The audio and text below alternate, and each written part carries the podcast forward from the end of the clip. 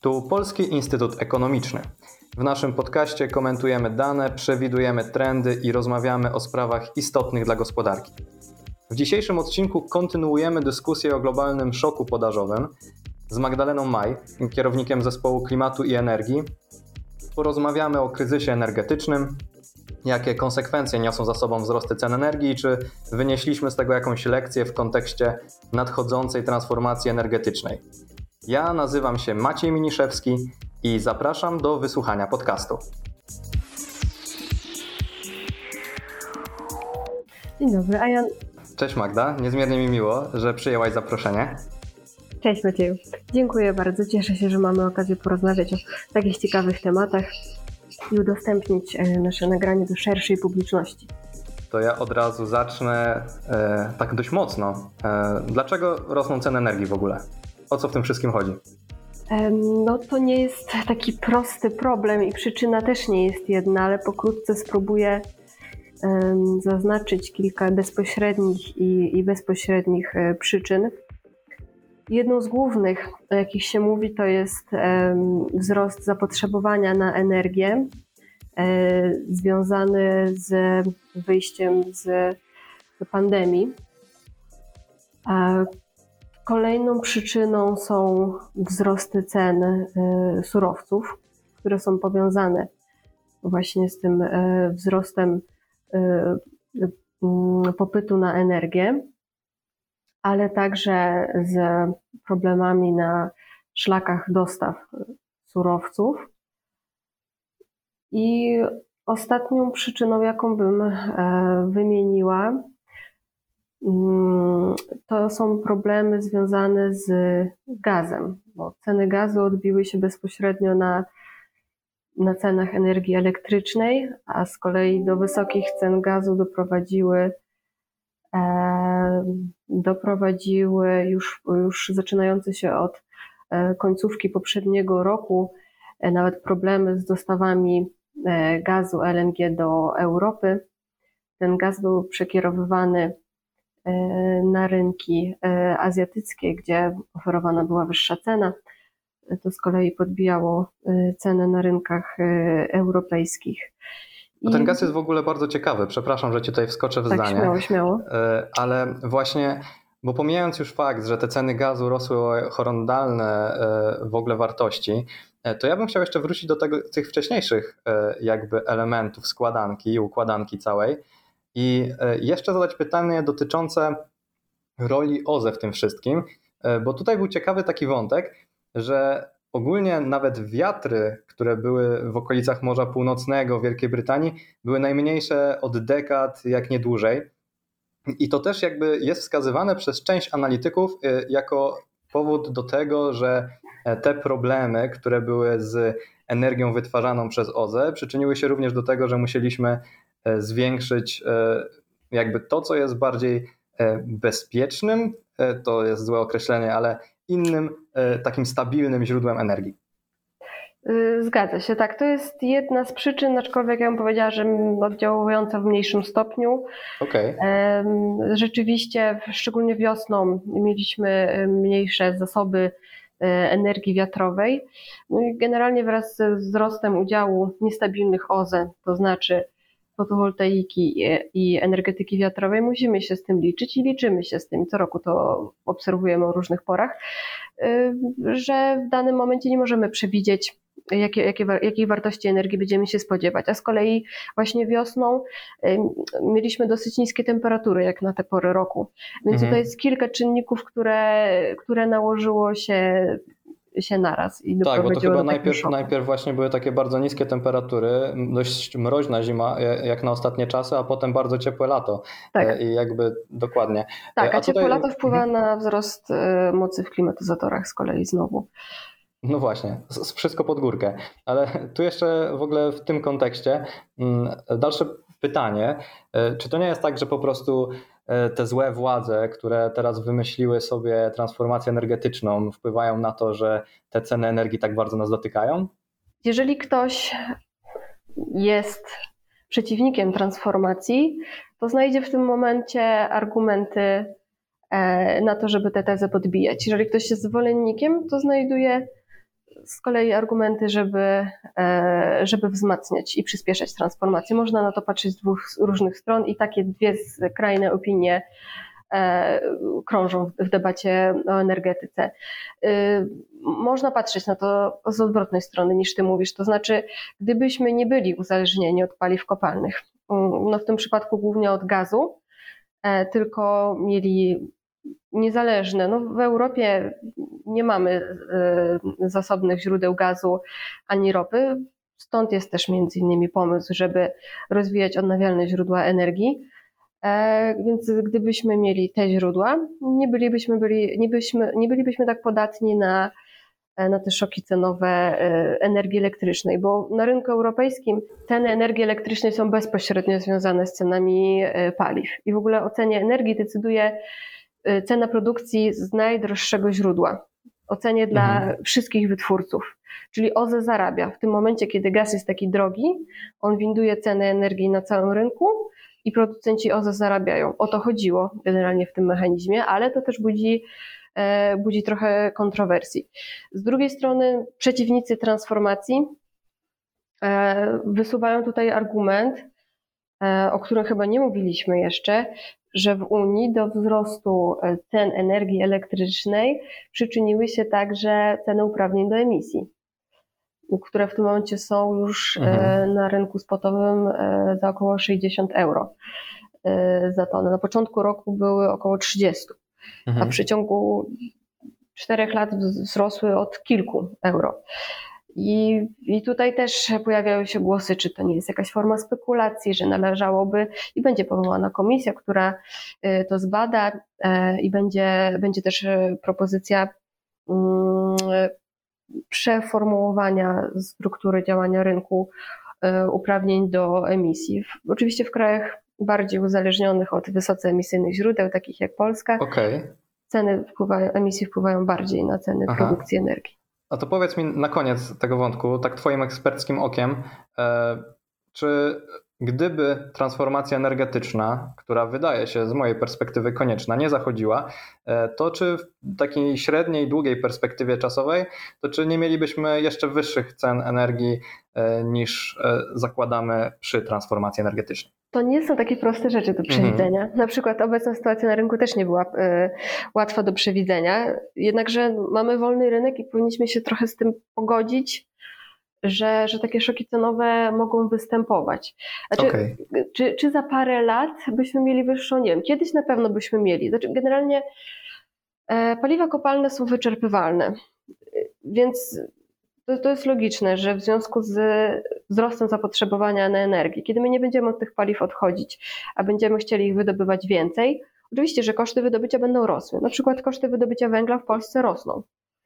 Mhm. E, jest, jest go trudniej wydobywać, więc jest to też argument za transformacją. Tutaj niektórzy tylko debatują nad tym, jakie powinno być tempo tej transformacji, ale także na czym, e, na jakich źródłach nisko czy zeroemisyjnych powinniśmy się opierać.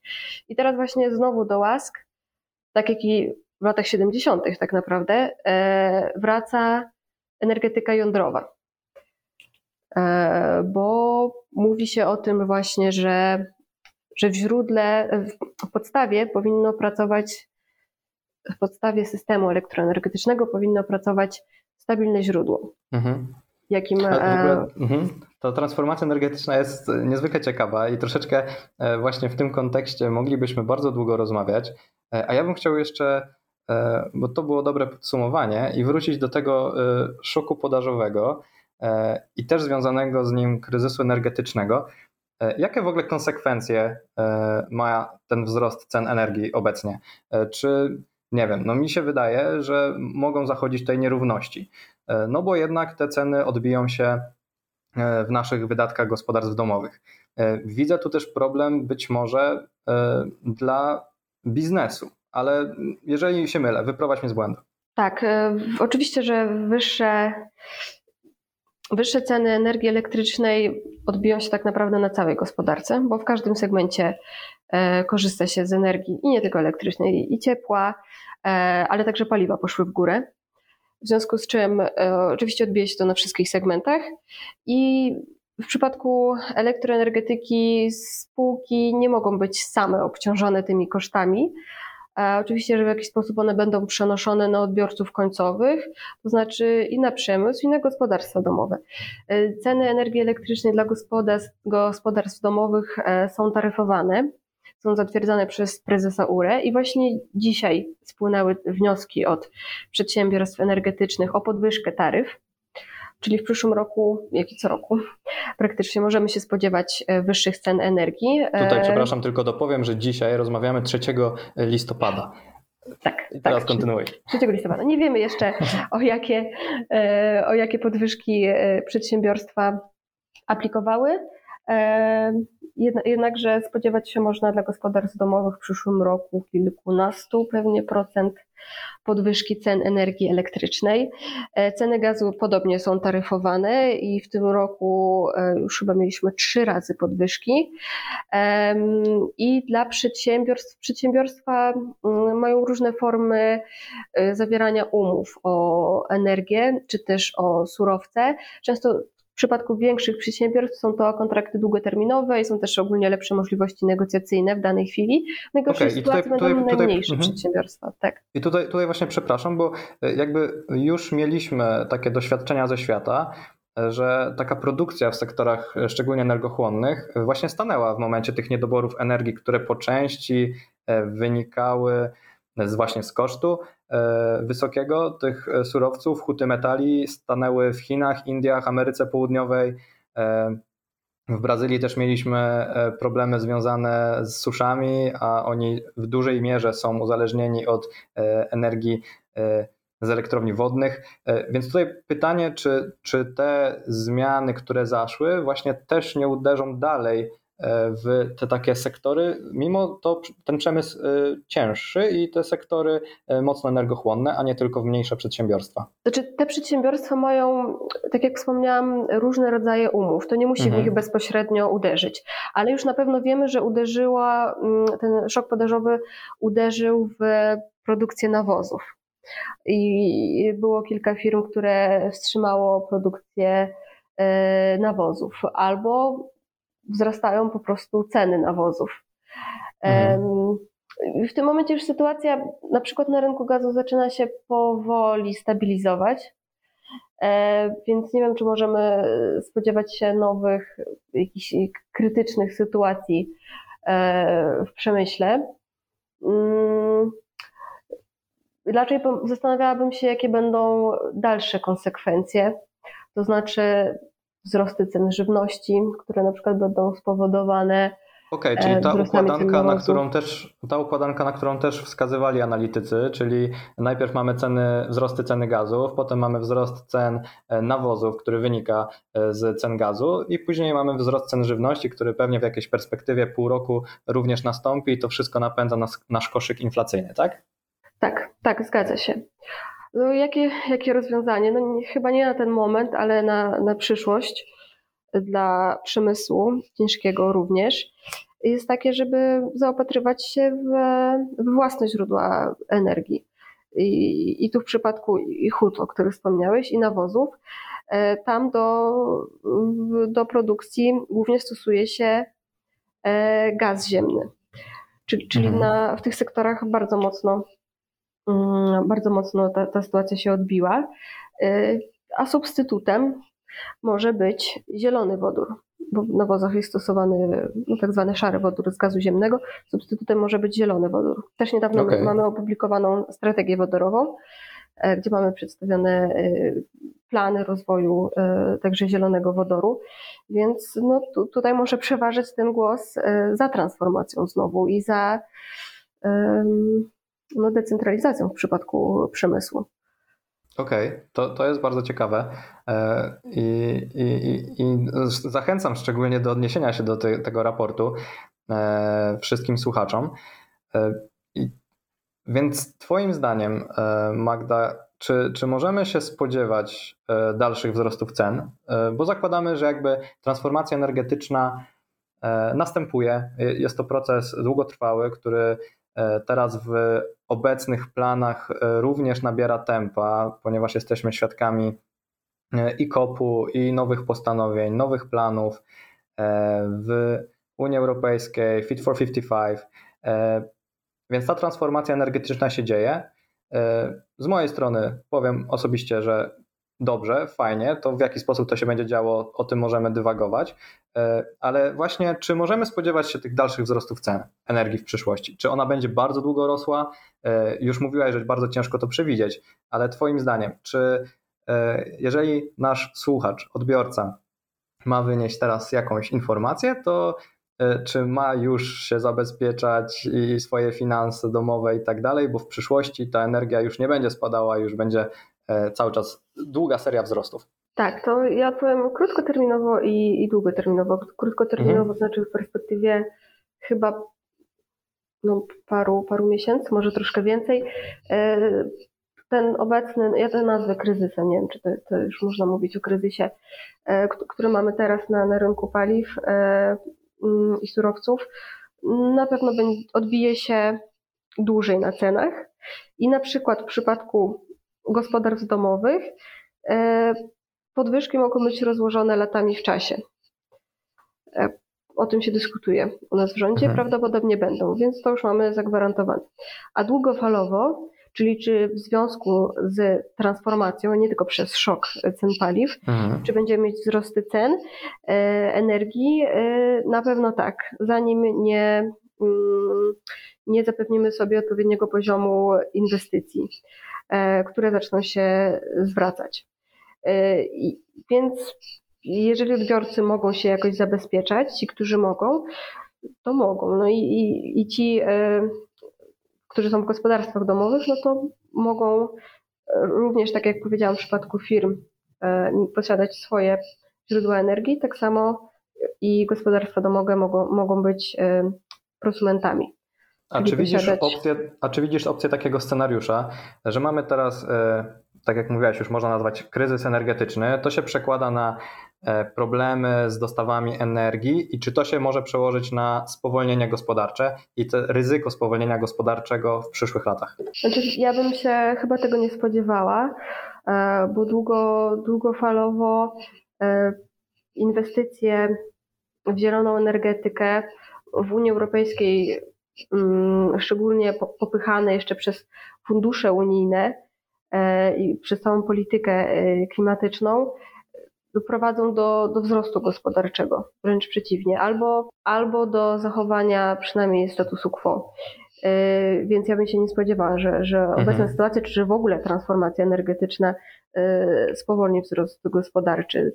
To są od początku poprzez RD, dalej poprzez projekty wdrożeniowe, poprzez nowe inwestycje y, i dalej eksport nowych technologii, e, w których w części Polska także uczestniczy i dalej może uczestniczyć i się rozwijać. No spodziewamy się, że, e, że właśnie będziemy napędzać e, wzrost gospodarczy, będziemy mogli konkurować na rynku światowym, bo nie tylko Unia Europejska czy, czy Polska myśli o transformacji energetycznej, to jest, to jest cały świat, który mhm. w to inwestuje.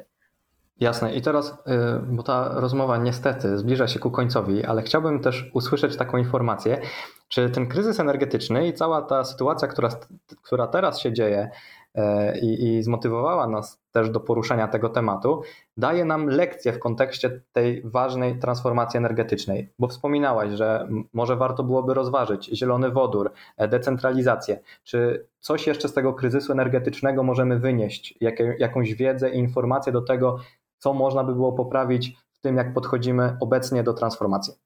Czy no, mogę powiedzieć na, wy, na, wybranych przykładach, co mi się wydaje okay. jest jeszcze lekcją y, do wyciągnięcia, ale to jest też coś, co my w Polsce realizujemy. E, na przykład e, dywersyfikacja dostaw różnych surowców. E, mhm. Tego dokonujemy w przypadku gazu ziemnego. W tym momencie mamy tylko powyżej 50% y, dostaw y, gazu z Rosji, e, gdzie jeszcze przed paru laty było to 100 i parunastu laty. E, więc te, tego typu działania na pewno. Plus e, to też w Polsce dało nam przewagę w stosunku do innych krajów unijnych, no, obowiązkowe zapasy gazu.